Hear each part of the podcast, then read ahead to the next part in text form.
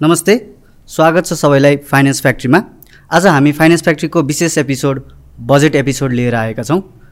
म सागर आचार्य। नमस्कार मेरो नाम चाहिँ सन्देश केसी।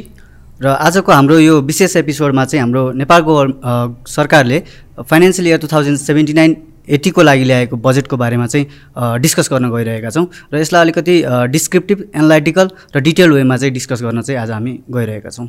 अब आजको छलफलको विषयहरू सुरु गरौँ। नेपालको संविधानको धारा एक सय उन्नाइसमा चाहिँ हरेक वर्ष आर्थिक वर्ष सुरु हुनुभन्दा अगाडि जेठ पन्ध्र गते चाहिँ अर्थमन्त्रीद्वारा चाहिँ बजेट आउने वर्षको लागि बजेटको व्यवस्था गरिएको छ। अब यसलाई अब हामी यस वर्षको बजेटको आकारको विषयमा छलफल गरौँ होइन? अब आउने आर्थिक वर्ष उनासी असीको बजेटको साइज चाहिँ तपाईँको सत्र खर्ब त्रियानब्बे अर्ब रहेको छ जुन चाहिँ गत वर्षको तुलनामा साढे एक्काइस प्रतिशतको वृद्धि हो। अब यो बजेट चाहिँ कतातिर चाहिँ प्रयोग हुन्छ भन्ने परिचालन हुन्छ भन्ने कुरामा छलफल गरौँ। अब यसमा चाहिँ यो बजेट चाहिँ तपाईँको पुँजीगत खर्चतिर एक्काइस प्रतिशत चालु खर्चतिर बयालिस प्रतिशत वित्तीय व्यवस्थापनको लागि तेह्र प्रतिशत र स्थानीय तहको खर्चको लागि भनेर चौबिस प्रतिशत छुट्याइएको छ।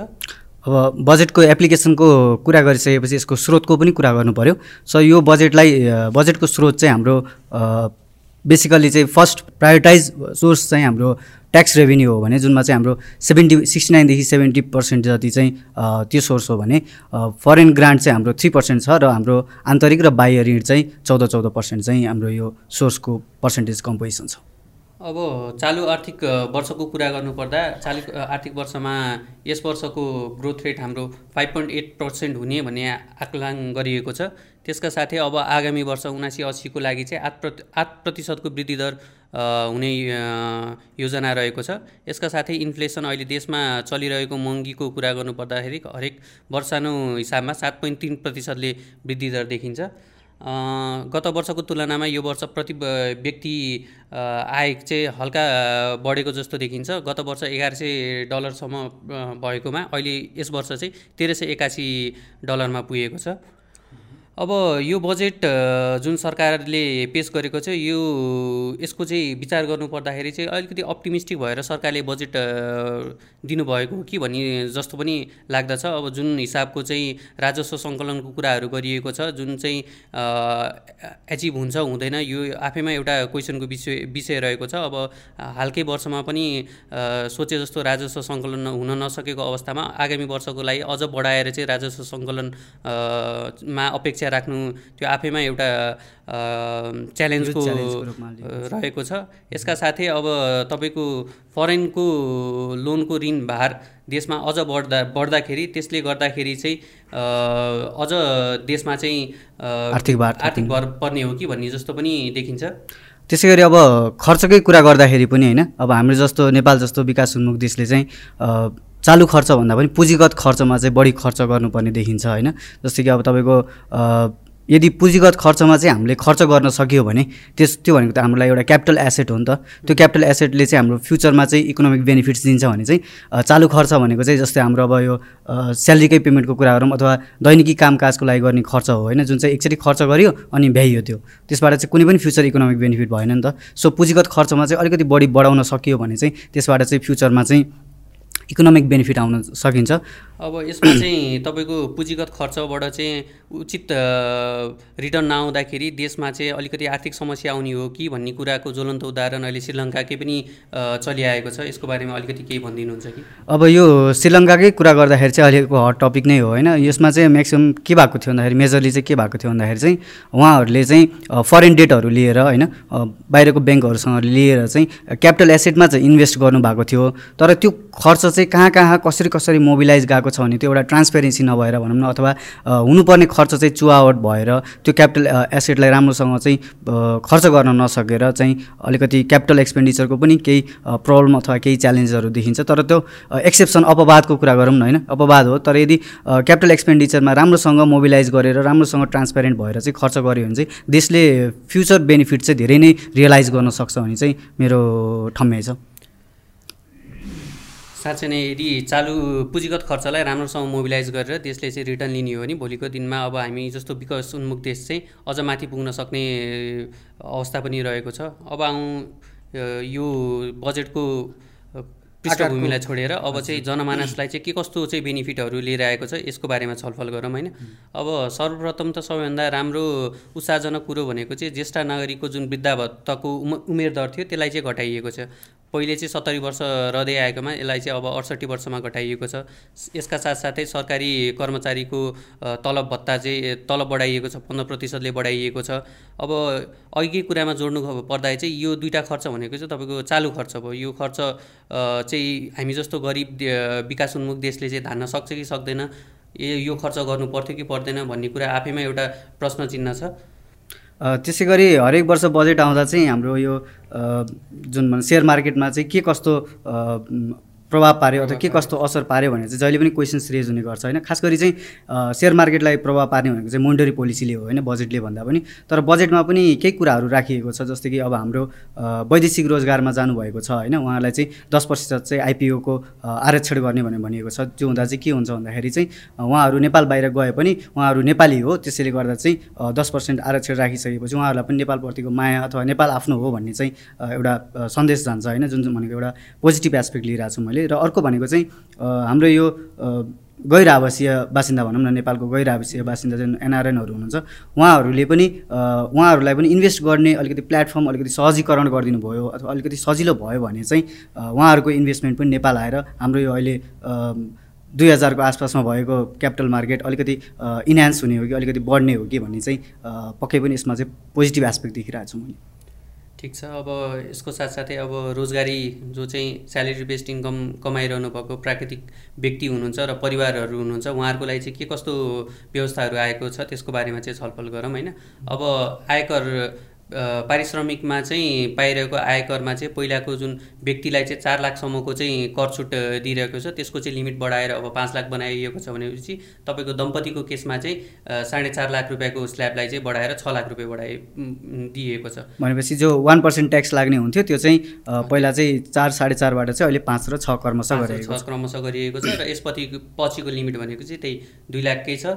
दुई लाख त्यसपछिको माथिको इन्कममा दुई टेन पर्सेन्ट ट्याक्स र त्यसै क्रमश रूपमा नै कन्टिन्यू गरेको छ। र यही रोजगारीमै जसले चाहिँ जीवन जीवन आर आर्जन गर्दै आइरहनु भएको छ उहाँहरूको बिमाकोमा पनि अलिकति बिमाको लिमिट पनि बढाइएको छ। पहिला पच्चिस हजारसम्म चाहिँ उहाँहरूको आयकरमा छुट पाउनुहुन्थ्यो भने अब चाहिँ चालिस हजार बनाइएको छ यसलाई चाहिँ। अनि अर्को इन्ट्रेस्टिङ कुरा चाहिँ अब चार पाङ्रे गाडी किन्दा चाहिँ प्यान कम्पलसरी लिएर जानुपर्ने अथवा प्यान प्रस्तुत गर्नुपर्ने भन्ने पनि कुरा आएको छ। यसले गर्दा चाहिँ के ट्र्याकिङ सिस्टमलाई नै अलिकति बेटरमेन्ट गर्न खोजेको हो त? अब यसमा चाहिँ कस्तो हुन्छ भन्दाखेरि आफ्नो आयको स्रोत चाहिँ कम देखाएर जसले चाहिँ महँगा महँगा गाडीहरू किन्दै आइरहनु भएको छ उहाँहरूको लागि चाहिँ विशेष आफ्नो आयकर चाहिँ जति छ त्यति नै देखाइदिनलाई चाहिँ यो ट्र्याकिङ सिस्टम ल्याएको जस्तो लाग्छ होइन। यसले गर्दाखेरि चाहिँ हाम्रो रेभिन्यू लिकेज जति पनि भइरहेछ त्यसलाई चाहिँ कम गर्न सकिन्छ जस्तो लाग्छ मलाई चाहिँ। अनि कुरा गर्दै जाँदा यो जुन वैदेशिक रोजगारबाट हाम्रो देशमा पैसा भित्रिन्छ त्यसलाई चाहिँ अझै आधिकारिक च्यानलबाट चाहिँ भित्रियोस् भनेर चाहिँ त्यसको लागि चाहिँ मोटिभेट गर्नलाई अथवा प्रोत्साहन गर्नलाई चाहिँ हाम्रो यो यदि त्यो अथराइज च्यानलबाट आउँछ भने चाहिँ हाम्रो यो पासवर्ड नवीकरण भनौँ होइन सम स्वीकृति नवीकरणमा चाहिँ फिफ्टी पर्सेन्ट वेवेयर दिएको छ होइन जसले गर्दा चाहिँ यो हाम्रो अब गैर कानुनी माध्यमबाट जुन पैसा आउँछ हुन्डी नै भनौँ होइन त्यो चाहिँ डिस्करेज गर्ने हो कि भन्ने पार्ट पनि एकदम पोजिटिभ एस्पेक्टको रूपमा लिइरहेको छ। अब यसका साथसाथै तपाईँको घर जग्गा खरिद बिक्रीमा पनि यसपालिबाट चाहिँ अलिकति ट्याक्सको रेटहरू बढाइएको जस्तो देखेको छु। त्यसमा चाहिँ के कस्तो व्यवस्थाहरू छ? अब यसमा चाहिँ घरको केसको कुरा घर अथवा जग्गाको केसमा चाहिँ होइन। अब पहिला चाहिँ तपाईँले चाहिँ पाँच वर्षसम्म यदि होल्ड गरिराख्नु भएको छ होइन अनि पाँच वर्षपछि चाहिँ तपाईँले बेच्दै हुनुहुन्छ अथवा फाइभ इयर्स तपाईँको होल्ड गरिसक्नुभयो त्यसपछि मात्रै बेच्नुभयो। द्याट इज लङ टर्म जस्तो भयो भने चाहिँ तपाईँको चाहिँ फाइभ पर्सेन्टेजमा चाहिँ ट्याक्सेबल गर्ने नियम ल्याएको छ। पहिला चाहिँ यो टु पोइन्ट फाइभ पर्सेन्ट थियो होइन? र सिमिलरली पाँच वर्षभन्दा कमभित्रै तपाईँले बेच्नु भएको छ भने चाहिँ त्यो केसमा चाहिँ तपाईँको पहिला चाहिँ फाइभ पर्सेन्ट थियो भने चाहिँ अहिले चाहिँ सेभेन पोइन्ट फाइभ पर्सेन्ट रहेको छ होइन? सो यो हुँदाहुँदा चाहिँ मैले एउटा देखेको कुरा चाहिँ यदि तपाईँ घर बेच्ने मनसायमा हुनुहुन्छ भने चाहिँ यो आर्थिक चालु आर्थिक वर्षको चाहिँ असारभन्दा अगाडि नै सबै प्रक्रियाहरूको पुरा गर्नुभयो भने चाहिँ ट्याक्समा पक्कै पनि अलिकति कम दिनुपर्ने जस्तो चाहिँ देख्न जान्छ ठिक छ अब अहिलेको समयमा चाहिँ हाम्रो जुन वैदेशिक विदेशी मुद्राहरूको सञ्चित कोष चाहिँ कम भएको अवस्थामा विदेशी मुद्रा चाहिँ नेपालमा भित्राउनको लागि के कस्तो व्यवस्थाहरू भएको छ त्यसको बारेमा पनि सानो छल छोटो छलफल गरौँ होइन। अब पहिला यसमा चाहिँ विदेशी मुद्रा पहिलाको जुन सीमा छ त्यो सीमालाई चाहिँ एक त कम गरिएको छ। पहिलासम्म चाहिँ तपाईँको पाँच करोडसम्मको एफडिआई फरेन डाइरेक्ट इन्भेस्टमेन्ट ल्याउन चाहिँ लिमिट थियो भने अब त्यसलाई चाहिँ घटाएर दुई करोडसम्म ल्याउने भन्ने प्रावधान गरिएको छ होइन। यसका साथसाथै अब तपाईँको दस करोडसम्म विदेशी लगानी ल्याउनको लागि चाहिँ स्वचालित रूपमा चाहिँ अप्रुभल सिस्टम ल्याउने भन्ने कुराहरू गरिएको छ। र यदि दस करोडभन्दा माथि ठुला लगानीकर्ताहरूले चाहिँ नेपालमा चाहिँ रकम लगानी गर्न चाहन्छन् भने चाहिँ यदि उनीहरूले चाहिँ विद्युतीय माध्यम माध्यमबाट उनीहरू अप्रुभलको लागि आउँछन् भने चाहिँ सात दिनभित्र चाहिँ एउटा प्रिलिमिनरी अप्रुभल दिने अनि त्यसपछि चाहिँ उनीहरूको आफ्नो बिचको जुन प्रोसेसहरू दर्ताको कामहरू हुन्छ त्यो काम गरिरहँदा छ महिनाभित्र चाहिँ उसको चाहिँ स्वीकृति दिने व्यवस्था पनि ल्याउने भनेर भनिएको छ होइन? यसले गर्दाखेरि पनि तपाईँको विदेशी लगानी चाहिँ नेपालमा आकर्षण एफडिआई चाहिँ अलिक बढी एट्र्याक्ट हुने जस्तो देखियो। अनि त्यसै गरी अरू चाहिँ जस्तै च्यालेन्ज फन्डको कुराहरू उठाइएको छ होइन? स्टार्टअपको कुराहरू उठाइएको छ अनि यो किसान पेन्सन फन्डको बारेमा पनि उठाइएको छ होइन? किसान फन्ड पेन्सन फन्डमा के एड गर्नु पेन्सन फन्डमा चाहिँ कस्तो व्यवस्था गरिएको छ भन्दाखेरि अब नेपाल चाहिँ कृषि प्रधान देश भएको कारणले गर्दाखेरि किसानहरूले चाहिँ हरेक महिना जति पनि मासिक कन्ट्रिब्युसन यो किसान फन्डमा गर्छ नि त्यसको दस प्रतिशतसम्म रकम चाहिँ सरकारले पनि यो कोषमा चाहिँ दिने व्यवस्था गरिएको छ होइन? यसका साथसाथै अब अर्को नेपालको समस्या भनेको चाहिँ जुन कृषिको सामानहरू चाहिँ समयमै मार्केटमा नआउँदाखेरि चाहिँ बिग्रिने अवस्थाहरू छ। त्यसको कारणले गर्दा कृषक कृषकहरूलाई जति घाटा भइरहेछ यसको बिमाको लागि पनि व्यवस्था गरिएको छ। बिमामा चाहिँ कस्तो व्यवस्था गरिएको छ भनेर भन्दाखेरि जति पनि बिमाको लागि प्रिमियम तिर्नुपर्ने हुन्छ। बिस प्रतिशत चाहिँ किसान आफैले बिहोर्नु पऱ्यो र अस्सी प्रतिशत चाहिँ सरकारले बिहोरिदिएर उनीहरूको जुन बाली नाली हुन्छ जीव जन्तुहरू हुन्छ त्यसको चाहिँ सुरक्षण गर्न पाउने व्यवस्था चाहिँ गरिएको छ। सिन्स इन्ट्रेस्टिङ होइन त। यसले गर्दा चाहिँ अब हाम्रो किसान दाजुभाइहरू पनि एकदमै खुसी हुनुहुन्छ र अब भोलिका दिनमा चाहिँ आफ्नो बाली नाली जे पनि पेसा छ त्यसलाई चाहिँ सुरक्षित गर्नुहुन्छ भन्ने चाहिँ आशा राखिएको छ। त्यसै गरी अब यो जुन अहिलेको हाम्रो नेपालको मार्केटमा एकदम चलिरहेको टर्म छ जुन होइन पिइभिसी भन्ने प्राइभेट इक्विटी भेन्चर क्यापिटलहरू उसको पनि अब काम कारवाहीमा सहजीकरण गराउने भन्ने चाहिँ एउटा प्रावधान जस्तो लिएर आएको छ। अब यसलाई चाहिँ फ्युचरमा कसरी के हो भन्ने पार्टहरू चाहिँ डिटेलमै आउला होइन। यसको कार्यविधिहरू आउन नै बाँकी छ होइन। अब त्यसका साथसाथै अब युवा उद्यमीहरू विदेशबाट फर्केर आउनुभएका जो विदेशमा रोजगार गरेर बस्नुभएको थियो र सिपहरू आर्जन गरेर आउनुभएको थियो जो स्वदेश फर्केका छन् उनीहरूको लागि चाहिँ अब सहुलियतमा कर्जाको व्यवस्थाको कुराहरू पनि गरिएको छ होइन? अब यसले गर्दाखेरि चाहिँ स्वदेशमै चाहिँ रोजगारी सिर्जना हुने स्वदेशमै चाहिँ युवाहरूले चाहिँ एउटा उद्यमीको रूपमा चाहिँ काम गर्ने भोलिको दिनमा चाहिँ देशको अर्थतन्त्रमा टेवा पुर्याउने जस्तो कार्यक्रमहरू आउँदाखेरि चाहिँ युवा जनमानस पनि एकदमै हौसित छ जस्तो मैले मानेको छु। अब जनमानसलाई के कस्तो उत्साह अथवा के कस्तो प्रभाव पार्यो उहाँको दैनिकीहरूमा भन्ने कुराहरू गरिसकेपछि अब एज अ प्रोफेसनल नै बसेर कुरि कुरा गरिसकेपछि अलिकति टेक्निकल भएर पनि कुरा गरौँ होइन। सो टेक्निकल भएर कुरा गर्दाखेरि चाहिँ अब इन्कम ट्याक्सकै टपिकबाट सुरु गरौँ। इन्कम ट्याक्समा के कस्तो चेन्जेसहरू आएको छ अथवा के कस्तो नयाँ प्रावधानहरू आएको छ त्यसमा इन्लाइटन पार्नुपर्ने पनि जरुरी देखिन्छ। यस वर्ष यस वर्षको बजेटबाट पनि इन्कम ट्याक्समा चाहिँ धेरै छुटहरूको व्यवस्थाहरू गरिएको छ होइन?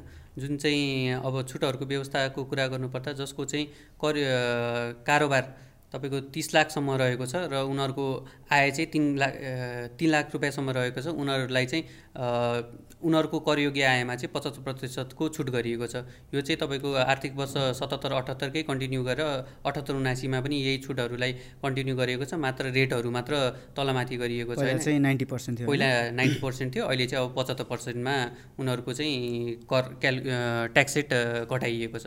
अब यसका साथै तपाईँ तिस लाखभन्दा बढी कारोबार गर्नुहुन्छ र एक करोडसम्मको कारोबार गर्नुहुन्छ भने चाहिँ उनीहरूको इन्कम ट्याक्समा चाहिँ तपाईँको फिफ्टी पर्सेन्टसम्मको वेभर गरिएको छ होइन? अब एक करोडभन्दा माथिलाई चाहिँ कुनै पनि छुट छैन तर त्यसमा पनि केही विशेष छुटहरू छ? अब त्यही खास गरी चाहिँ अब एक करोडभन्दा माथिलाई चाहिँ छुट छैन होइन? तर सिन्स अब यो प्रावधान आउनुको बिहाइन्ड द सिन भनौँ अथवा रिजन भनौँ न त्यो भनेकै कोभिड हो होइन। कोभिडले एफेक्ट गरेर नै हाम्रो यो ट्याक्सको रिबेटहरू पाएको हो र कोभिडकै कुरा गरिसकेपछि सबभन्दा हाम्रो प्रभावित क्षेत्र भनेको जस्तै कि होटल ट्राभल भयो होइन ट्रे टुरिज्म भयो अनि फिल्म इन्डस्ट्रीहरू भयो पार्टी प्यालेसहरू भयो होइन मिडिया हाउस भयो ट्रान्सपोर्टेसनहरू भयो होइन। सो यस्तो केसमा चाहिँ उहाँहरूको चाहिँ यदि एनुअल टर्नओभर वान करोड नआएको छ भने पनि उहाँहरूलाई चाहिँ आफ्नो ट्याक्सेबल इन्कमबाट फिफ्टी पर्सेन्ट चाहिँ ट्याक्स अफ गरिएको छ। अब यो बजेटमा चाहिँ आयकरमा चाहिँ के कस्तो व्यवस्था गरिएको छ भन्दाखेरि जो व्यक्तिहरू जो चाहिँ दर्ता गरेर आफ्नो व्यवसाय चलाइरहनु भए भएको छ वा दर्ता नगरिकन आफ्नो व्यवसाय चलाएर करयोग्य आयहरू कमाइरहनु भएको छ। उहाँहरूको लागि पनि अब करको दायरामा ल्याउनको लागि पनि केही छुट र इन्सेन्टिभको व्यवस्था गरिएको छ। अब त्यो व्यवस्थाको कुरा गर्नु पर्दाखेरि चाहिँ यदि कोही पनि व्यक्तिले चाहिँ दर्ता नगरिकन वा प्यान लिएर पनि सतहत्तर अठहत्तरसम्म आफ्नो विवरणहरू केही पनि बुझाएको छैन ट्याक्सहरू तिरिएको छैन भने चाहिँ यदि पचहत्तर छयत्तर छयत्तर सतहत्तर र सतहत्तर अठहत्तरसम्मको आफ्नो करको दायित्व तिर्नुहुन्छ र रिटर्नहरू फाइल गर्नुहुन्छ भने चाहिँ त्योभन्दा अघिको कर र त्यसमा लाग्ने शुल्क चार्जेस एडिसनल फीहरू चाहिँ माफ गरिएको छ।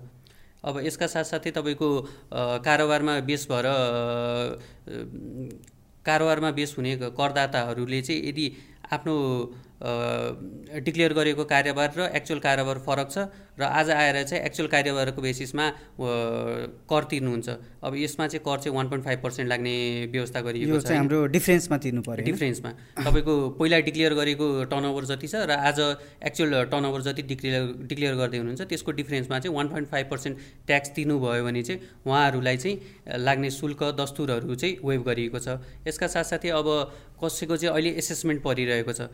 एसेसमेन्टमा चाहिँ उहाँहरूको डिक्लेयर गरेको भन्दा वास्तविक टर्नओभर चाहिँ फरक छ। र उहाँहरूले चाहिँ वास्तविक टर्नओभरमा आफ्नो ट्याक्स तिर्नुहुन्छ भने चाहिँ वान पोइन्ट फाइभ पर्सेन्ट नै दर रहेको छ। वान पोइन्ट फाइभ पर्सेन्टमा चाहिँ उहाँले ट्याक्स तिर्नुहुन्छ भने चाहिँ बाँकी दस्तुर चार्जेस एडिसनल फीहरू चाहिँ वेभ गरिएको छ। अब यो चाहिँ सानो व्यवसायहरूलाई एकदमै उत्साहपूर्ण व्यवस्था ल्याइएको छ। त्यही भएर यो मौकाको फाइदा उठाउनु हुन चाहिँ मेरो एउटा विनम्र अनुरोध छ होइन। अब यो कोभिडको समयको कारणले गर्दाखेरि व्यापार अलिकति तलमाथि भएको कारणले गर्दा सरकारले यस्तो व्यवस्था ल्याएको हुनसक्छ होइन। अब फेरि भोलिका दिनमा पनि यो व्यवस्था आउँछ आउँदैन भन्न सकिँदैन। त्यही भएर बेलैमा मौकाको फाइदा उठाएर आफ्नो जति पनि तिर्नुपर्ने दायित्वहरू छ ऊ त्यसलाई तिरेर एकदम सुनिश्चित भएर बस्नु हुन चाहिँ मेरो पर्सनल रिक्वेस्ट छ।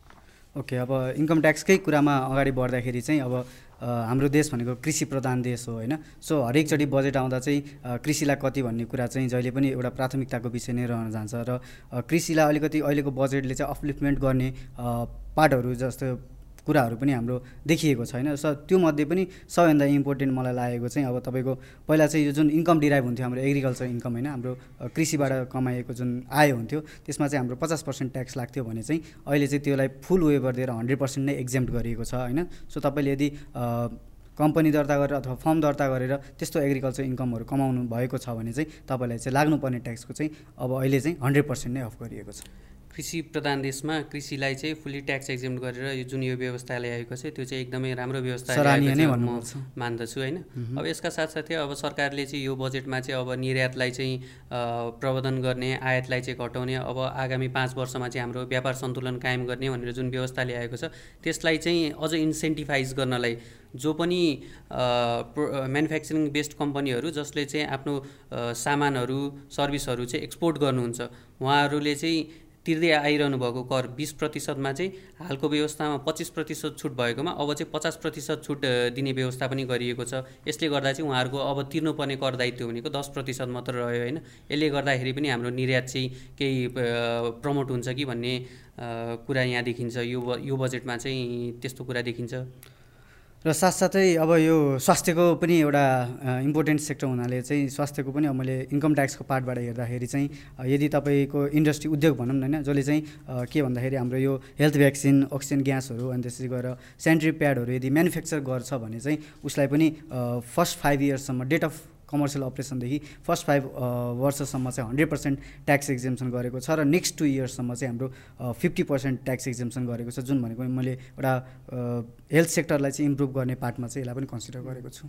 हेल्थ सेक्टरकै कुरा गर्नुपर्दा अलिकति स्वास्थ्यतिर लिएर आएको यो बजेटको व्यवस्थाहरूको बारेमा पनि छलफल गरौँ होइन जस्तै कि तपाईँको यो क्यान्सर रोगीहरू मृगोला प्रति ट्रान्सपोर्टे ट्रान्सप्लान्टेसनमा चाहिँ जुन खर्च लाग्छ त्यसमा चाहिँ सरकारले नि शुल्क गर्ने व्यवस्थाहरू गरिएको छ होइन?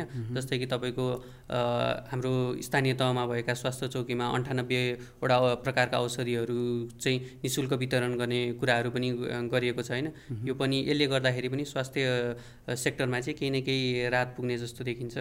अनि साथसाथै अब यो जुन इलेक्ट्रिक इभीको कन्सेप्ट छ अहिले इलेक्ट्रिक भेहिकल होइन सिन्स अब हाम्रो देश नै इलेक्ट्रिकल देश इलेक्ट्रिकल बेस्ड देश गराउनलाई चाहिँ हाम्रोमा चाहिँ यो पेट्रोलको गाडीहरू अथवा डिजलको गाडीहरूलाई चाहिँ इभीले रिप्लेस गर्न सक्यो भने चाहिँ हामीले चाहिँ आफ्नो रिसोर्सेसलाई युज गर्न सक्छौँ भन्ने चाहिँ चर्को नारा चर्को विषय चाहिँ उठिरहेकै हुन्छ होइन। सो यसलाई पनि मध्यनजर गर्दै तपाईँको यो जुन एसेम्बल गर्ने अथवा म्यानुफ्याक्चर गर्ने त्यो इन्डस्ट्री हुन्छ जसले चाहिँ फोर विलर चाहिँ हाम्रो इलेक्ट्रिकल भेहिकल बनाउँछ भने चाहिँ उसलाई पनि फर्स्ट फाइभ इयर्ससम्म चाहिँ फोर्टी पर्सेन्ट चाहिँ ट्याक्स कन्सेसन दिने कुरा लिएर आएको छ जुन पनि एकदम यो एउटा स्वागतपूर्ण काम हो म भनेर चाहिँ म भन्छु होइन? अनि यो गर्दाखेरि चाहिँ जस्तै कि अब स्वदेशमै त्यो चार विलर चार फोर विलर चाहिँ भेहिकलहरू चाहिँ हाम्रो देशमा चाहिँ आफै एसेम्बल गरौँ आफै म्यानुफ्याक्चर गरौँ भन्ने पनि बढ्ला होइन अब ज्वलन्त उदाहरण दिँदाखेरि जस्तै अब हाम्रो यात्री आएको यात्री। आएको थियो होइन जसले चाहिँ अब बाइक बनाएको थियो भने उसलाई पनि गाडी बनाउनेतिर इभी गाडी बनाउनेतिर अलिकति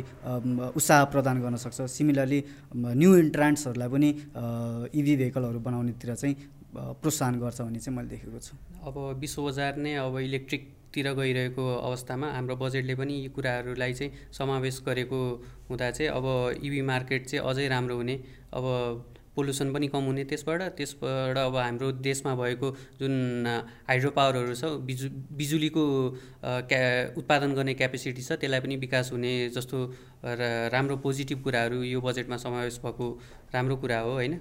अब यसका साथसाथै अब हाम्रो देश नेपाल चाहिँ तपाईँको कृषि उन्मुख देश भएको कारण अवस्थामा पनि विडम्बना के छ भने हामीले यहाँ चाहिने कृषिको लागि चाहिने उपकरणहरू हतियारहरू पाटपुर्जाहरू चाहिँ विदेशबाट ल्याउनु परिरहेको छ। अब यसलाई चाहिँ निरुत्साहित गर्नको लागि चाहिँ सरकारले कस्तो व्यवस्था ल्याएको छ भने चाहिँ यदि कुनै पनि इन्डस्ट्री चाहिँ यस्ता खालको कृषिमा प्रयोग हुने औजारहरू उपकरणहरू त्यसपछि लाएर स्पेयर पार्टहरू र मेटेरियलहरू युज गर्छ भने चाहिँ उसको चाहिँ ट्याक्समा हन्ड्रेड पर्सेन्ट एक्जिम्सन दिएको छ। अब स्थापना भएको पाँच वर्षसम्मको लागि। यसले गर्दाखेरि पनि तपाईँको स्वदेशमै चाहिँ कृषिका उपकरणहरू बन्ने व्यवसायहरू पनि अब मार्केटमा आउने जस्तो देखिन्छ होइन। त्यसले गर्दाखेरि पनि हाम्रो निर्यात त कम भइहाल्यो। एक त हामी आफै कृषि प्रधान देश भएकोले कृषिमा आफै आत्मनिर्भर पनि हुन सक्ने देखिन्छ। अनि अब मैले हजुरलाई पर्सनली चिनेअनुसार हजुरले यो सहकारी क्षेत्रहरूको चाहिँ विगत केही समयदेखि काम गर्दै आइराख्नु भएको छ। र यो सहकारी क्षेत्रमा चाहिँ के कस्तो चेन्जेसहरू आएको छ? यसको बारेमा थोरै इन्लाइटेन गरिदिनु यस वर्षको आयकरमा चाहिँ सहकारी संस्थाहरूको चाहिँ करको दायरा बढाइएको छ। अब सहकारी सेक्टरकै कुरा गर्नु पर्दाखेरि चाहिँ जुन सहकारीहरू चाहिँ कृषि जन्य कृषि उत्पादनमा लागेका छन् उनीहरूको र तपाईँको ग्रामीण क्षेत्रमा भएका सहकारीमा चाहिँ जुन शून्य दरमा कर लाग्दै आएको छ त्यो चाहिँ त्यही नै कायम भएको छ। त्यसका अलावा हाम्रो नगरपालिका उपनगरपालि उपमहानगरपालिका र महानगरपालिकामा रहनुभएको सहकारीको चाहिँ जुन करको दर थियो अब पहिले चाहिँ तपाईँको नगरपालिकामा रहने सहकारीको पाँच प्रतिशत थियो। त्यसलाई चाहिँ बढाएर साढे सात प्रतिशत बनाइएको छ। उपमहानगरपालिकामा रहनुभएका सहकारी सहकारीहरूको सात प्रतिशतबाट दस प्रतिशत बढाइएको छ र महानगरपालिकामा चाहिँ दस प्रतिशतबाट पन्ध्र प्रतिशत बढाइएको छ। अब यसमा चाहिँ मेरो एउटा सानो जिज्ञासा मैले तपाईँलाई एकछिन रोकेँ। सानो जिज्ञासा चाहिँ जस्तै अब यो सहकारी भनेको चाहिँ अलिकति विपन्न वर्गलाई चाहिँ हाम्रो वित्तीय सर्भिस दिने खालको संस्था हो नि त। सो यसको करको दायरा बढाउँदाखेरि चाहिँ उहाँलाई अलिकति भार पर्ने जस्तो अनुभूति गर्नुभएको छ कि के गर्नुभएको छ? अब अभियसली करको दार बढिसकेपछि भार त परि नै हाल्यो होइन। अब यसमा चाहिँ बिहान द सिन सरकारको मोटिभ चाहिँ कस्तो पनि हुनसक्छ भने चाहिँ अहिलेको समयमा चाहिँ जति पनि देशमा सहकारी अत्याधिक रहेको अवस्था छ। तपाईँको हामी जस्तो सानो देशमा चाहिँ बत्तिस हजारभन्दा बढी चाहिँ सहकारी रहेको अवस्थामा चाहिँ जो पनि चाहिँ अब ट्याक्सको रेट कम छ भन्दै सहकारी दर्ता गर्न जो चाहिँ आइरहेका छन् उनीहरूलाई चाहिँ अलिकति भए पनि रेगुलेटेड गरेर करको दायरा बढाएर यिनीहरूलाई चाहिँ अब योभन्दा बढी चाहिँ नबढाउँ भन्ने सरकारको अब्जेक्टिभको अब्जेक्टिभले गर्दाखेरि पनि यो करको दायरा बढाइएको हुन्छ जस्तो लागि लागिरहेको छ मलाई चाहिँ होइन? अब यसको चाहिँ मा बजारमा चाहिँ के कस्तो प्रतिक्रिया आउँछ त्यो त अब भोलिको दिनमा देख्ने बाँकी नै छ। त्यसै गरी अब साहित्य सिर्जनालाई प्रोत्साहन गर्न पनि केही रोयल्टीमा टिडिएसको पार्टमा चाहिँ केही चेन्जेसहरू लिएर आएको छ है जस्तै चाहिँ अब प्राकृतिक व्यक्तिहरूलाई अहिलेको व्यवस्था अनुसार करको व्यवस्था अनुसार चाहिँ पन्ध्र प्रतिशतको रोयल्टी का टिडिएस काटिरहेको थियो रोयल्टीमा पन्ध्र पर्सेन्ट टिडिएस काटिरहेको थियो। यसले गर्दा चाहिँ जो चाहिँ आफै स्वदेशमा बसेर साहित्य सिर्जनातिर चाहिँ लागिपर्नु भएको मान्छेहरू हुनुहुन्छ उहाँहरूलाई चाहिँ अलिकति निरुत्साहित गर्ने जस्तो देखिन्छ।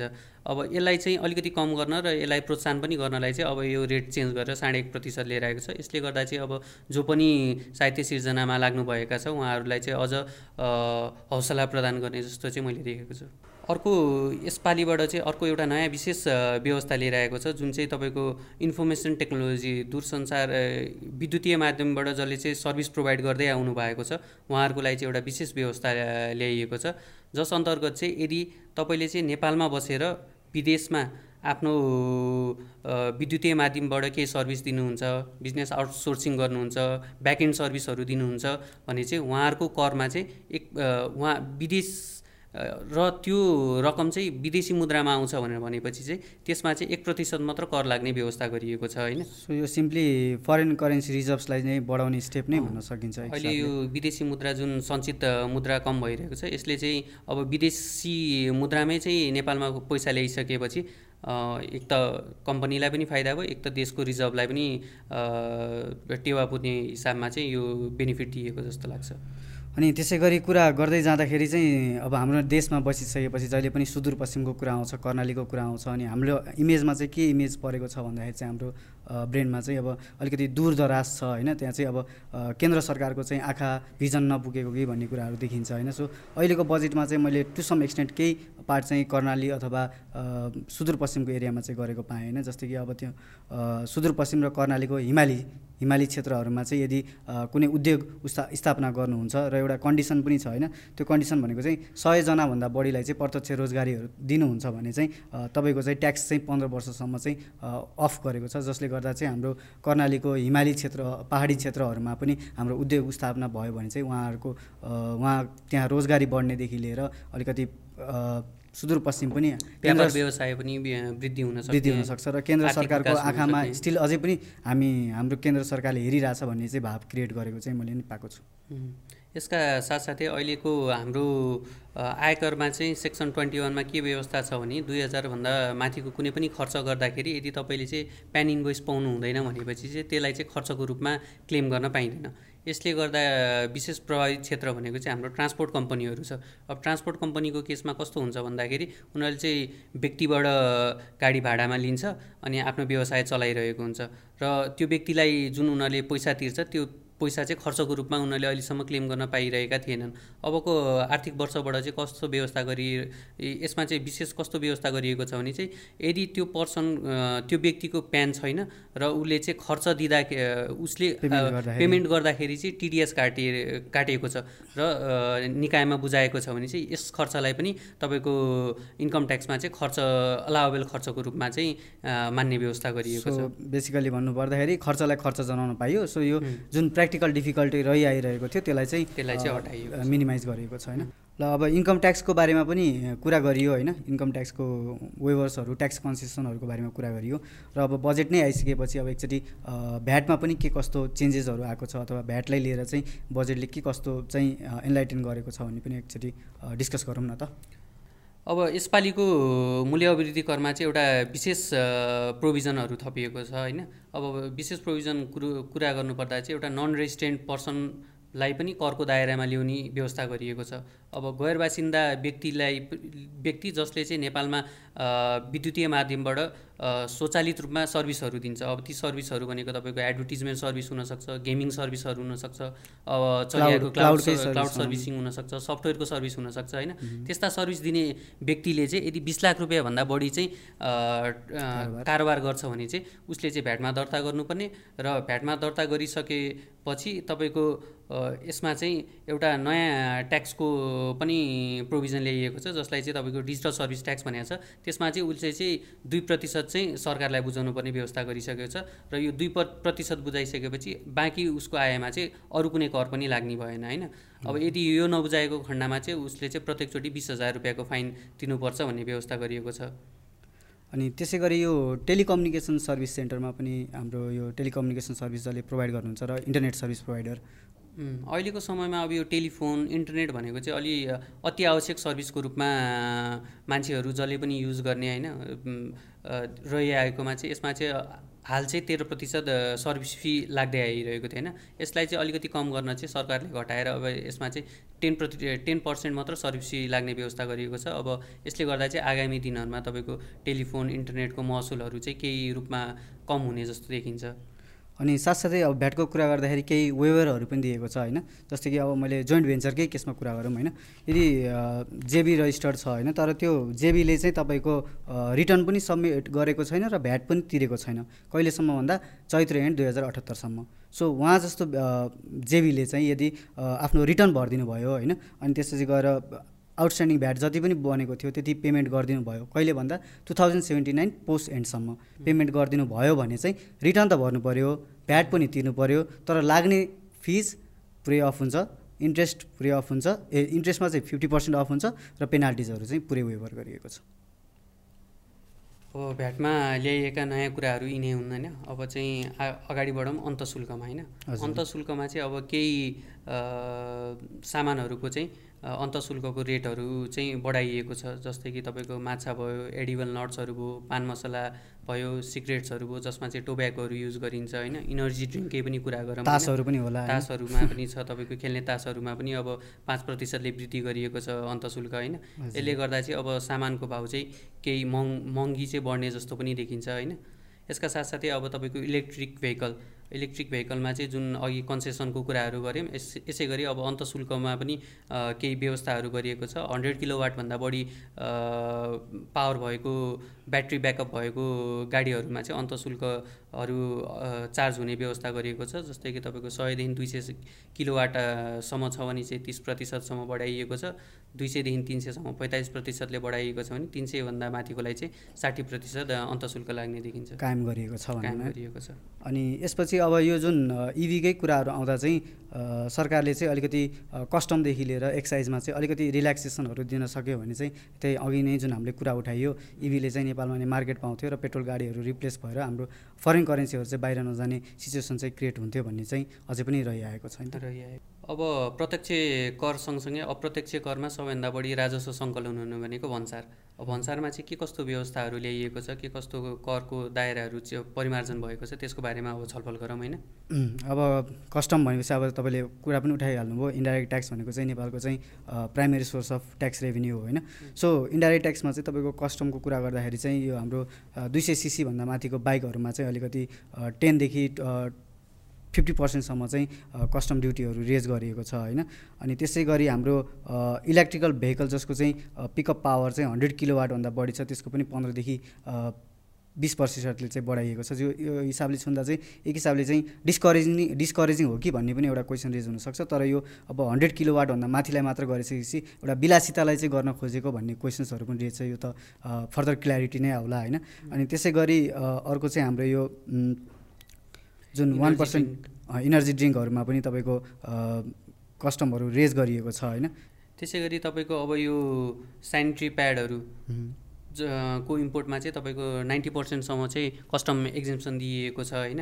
त्यसपछि तपाईँको जो पनि सेन्ट्री प्या प्याड स्वदेशमै यदि बन्द छ भने त्यसलाई चाहिने र मेटेरियल कच्चा पदार्थको आपूर्तिमा चाहिँ तपाईँको वान पर्सेन्ट मात्र इम्पोर्ट ड्युटी लाग्ने जस्तो देखिन्छ। अब एकातिर चाहिँ तपाईँको कस्टम ड्युटी र मेटेरियल इम्पोर्टमा चाहिँ एक प्रतिशतसम्म चाहिँ भन्सार शुल्क लागेको छ र अर्को यदि कोही कम्पनीले चाहिँ बनी बनाउनै सेन्ट्री प्याड चाहिँ नेपालमा इम्पोर्ट गर्छ भने चाहिँ त्यसलाई नाइन्टी पर्सेन्टसम्म चाहिँ कस्टम रिबेटको कुरा गरिरहेको छ। यसले चाहिँ अलिकति यो बिचमा इस्यु पनि उठाएको थियो र अलिकति कन्फ्लिक्टिङ कन्फ्लिक्टिङ पनि छ एकअर्कामा हेर्दाखेरि चाहिँ। तर यस भन्दा भन्दै पनि कतिपय हाम्रो अब यो सेन्सिटिभ सेन्सिटिभ प्रोडक्ट पनि भयो र नेपाली बजारमा चाहिँ कस्तो छ भन्दाखेरि नेपाली प्रोडक्टको चाहिँ गुणस्तर अलिकति भरपर्दो त्यो नभएको। कारणले गर्दाखेरि पनि अब विदेशबाट पनि केही मात्रामा आओस् र अब स्वदेशीलाई पनि अलिकति रिबेट कस्टममा वेबरहरू दिएर चाहिँ अलिकति आफ्नो क्वालिटेटिभ प्रोडक्टहरू बजारमा ल्याउन चाहिँ दुवैतिर चाहिँ बेनिफिट दिएको जस्तो लाग्छ सो। यसलाई बुझ्दाखेरि चाहिँ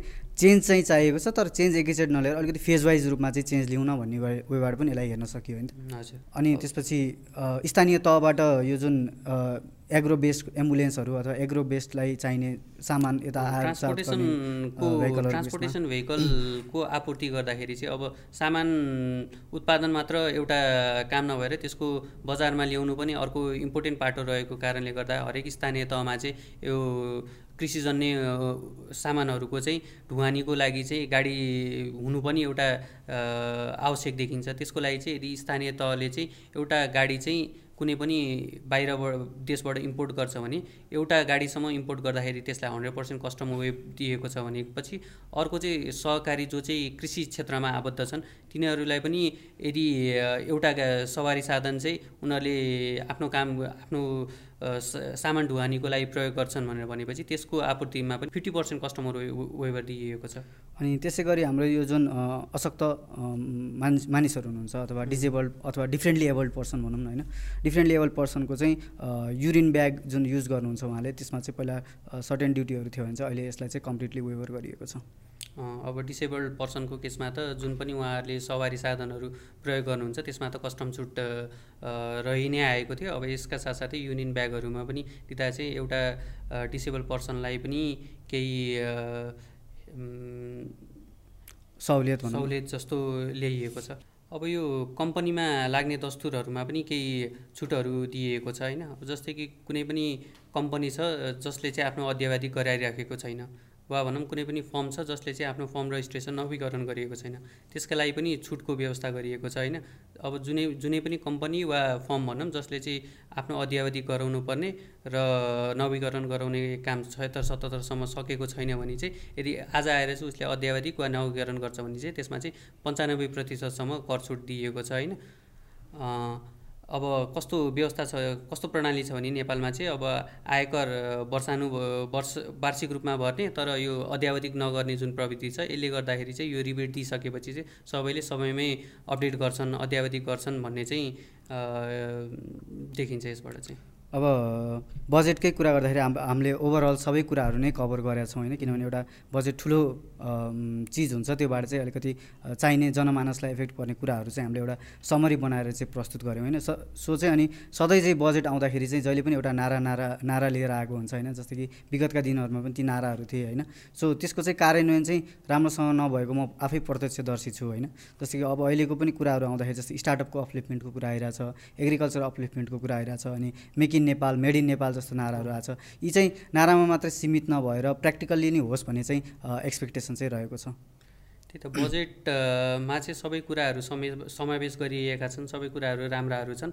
अब त्यसलाई चाहिँ कतिको भोलिका दिनमा कार्यान्वयन हुन्छ र त्यसले त्यो चाहिँ नारामा मात्र सीमित नभएर साँच्चीकै हुन्छ। अब यो चाहिँ भोलिको दिनमै नै हेर्नुपर्छ। ओभरअल हेर्दाखेरि बजेटमा तपाईँको कृषकदेखि लिएर स्वास्थ्यदेखि लिएर व्यापार उत्पादन वृद्धिको कुराहरू पनि गरिएको छ होइन? यसलाई चाहिँ अब कार्यान्वयनको पक्षमा चाहिँ सरकार कतिको प्रभावकारी हुन्छ? यसलाई त अब आगामी दिनहरूले नै बताउँछ होइन? अब सिमिलरली अहिले जुन लिक्विडिटी क्रन्च छ होइन त्यसको लागि चाहिँ केही बजेटले चाहिँ अलिकति स्पेसल प्याकेज ल्याइदिएको भए हुन्थ्यो जस्तो चाहिँ तपाईँलाई लागिरहेको त छ अब बजारमा भएको तरलताको अभावलाई चाहिँ एड्रेस गर्नलाई चाहिँ सरकारले केही पनि कुराहरू गरेको छैन।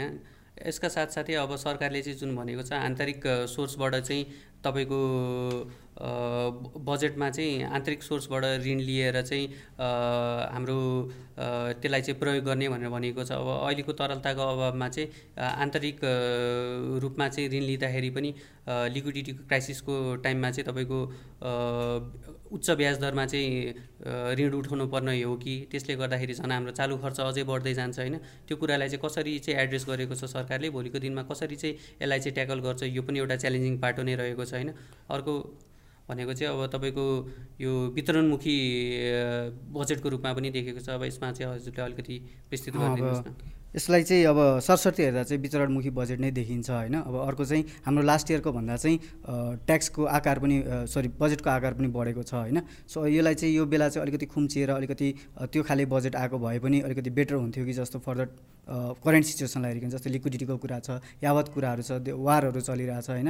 हाम्रो कस्ट अफ लिभिङहरू हाई भइरहेछ कतिपय जी सेभेन कन्ट्रिजहरूले मिटिङ गरेर यो इसेन्सियल प्रडक्टहरू भोलिको दिनमा चाहिन्छ र हामीले त्यति बेला चाहिँ हाम्रो सेल्फ कन्जम्सन नै नपुग्ने स्थिति हुन्छ भनेर एक्सपोर्टमा ब्यान लगाएको छ। जस्तै इन्डियाकै केसको कुरा गर्ने अहिले चाहिँ राइस सुगर क्यानहरूमा चाहिँ उनीहरूले अलिकति कस्टममा अलिकति टाइट गरेको जस्तो देखिन्छ होइन? सो यो सिचुएसनलाई पनि आकलन गरेर चाहिँ एउटा बजेट आउनुपर्ने अनि सिमिलरली बजेटको आकार ठुलो भइसकेपछि तपाईँको अभियसली खर्च पनि ठुलो हुन्छ र खर्च ठुलो गर्नलाई तपाईँले रेभिन्यू ट्याक्स रेभिन्यू पनि धेरै उठाउनु पर्ने हुन्छ होइन? र फेरि त्यही एउटा सर्कल फेरि त्यही जाउँ होइन? ट्याक्स रेभिन्यू बढी उठाउनलाई हामीले अब इन्डाइरेक्ट ट्याक्स बेस छ भने चाहिँ कस्टम ड्युटीहरू लिनु पऱ्यो सो कस्टम ड्युटी लिँदाखेरि फेरि इम्पोर्टलाई नै प्रोत्साहन गरे जस्तो भयो होइन? इम्पोर्टलाई प्रोत्साहन गरेपछि फेरि हाम्रो त्यही हुन्छ नि एफसिवाईहरू फेरि बाहिर जाने फेरि लिक्विडिटी क्रन्चमा हामी त्यही भुलिरहने हो कि भन्ने पनि एउटा ठम्मै लागिरहेको छ मलाई चाहिँ। अब यसलाई चाहिँ विपक्षी पार्टीहरूले चाहिँ एउटा चुनावी प्रचारको रूपमा चाहिँ एउटा जनमानसलाई चाहिँ धेरै बेनिफिटहरू दिएर चाहिँ चुनावको लागि चुनावमुखी भनौँ चुनावमुखी बजेटको रूपमा पनि लिइरहेका छन् होइन? अब ओभरअल बजेटलाई हेर्नु पर्दाखेरि त धेरै राम्रा कुराहरू पनि छन् होइन? अब लेट्स बी होपफुल अब जुन हिसाबमा चाहिँ बजेट एलोकेट गरिएको छ त्यसको चाहिँ रिसोर्स मोबिलाइजेसनदेखि लिएर जुन बेनिफिट वेभरका कुराहरू छ त्यसले गर्दा चाहिँ अब नयाँ लगानीकर्ताहरू नेपालमा आकर्षित हुने अब भइरहेका स्वदेशी कम्पनीहरूले चाहिँ समयमा आफ्नो आयकरहरू तिर्ने गरेर चाहिँ भोलिको दिनमा राम्रो हुन्छ भन्ने अपेक्षा लिन चाहिँ सकिन्छ। ल ओभरअल अब हामीले बजेटको समस्त कुराहरू त गरियो होइन निचोड पनि निकालियो सो बेटरमेन्टको लागि होपफुल हुँदै होइन जस्तै कि हात्ती आयो हात्ती आयो फुस्सा जस्तो नहोस् होइन कार्यान्वयनको पाटोहरू पनि होस् भन्ने चाहिँ हामीले पनि पछिको दिनमा हेर्न पाऊँ भन्ने चाहिँ हामीलाई पनि लागिरहेको छ होइन। सो यो आजको सेसनमा चाहिँ बजेटको हामीले इम्पोर्टेन्ट आस्पेक्टहरू उठायो कतिपय कुराहरू रहन गएको होला त्यो होइन त्यो टाइम फ्रेममा हामीले कभर गर्न सकेन होला होइन। सो त्यो विस्तृत रूपमा चाहिँ तपाईँहरूले आर्थिक अध्यादेशहरूदेखि लिएर इभन बजेट भाषणहरू पनि अनलाइन सर्च गरेर चाहिँ पाउनुहुन्छ होइन। सो आजलाई चाहिँ यति भन्दै हाम्रो बजेटको सेसनलाई चाहिँ यहीँ विश्राम लिन चाहन्छौँ। धन्यवाद। नमस्ते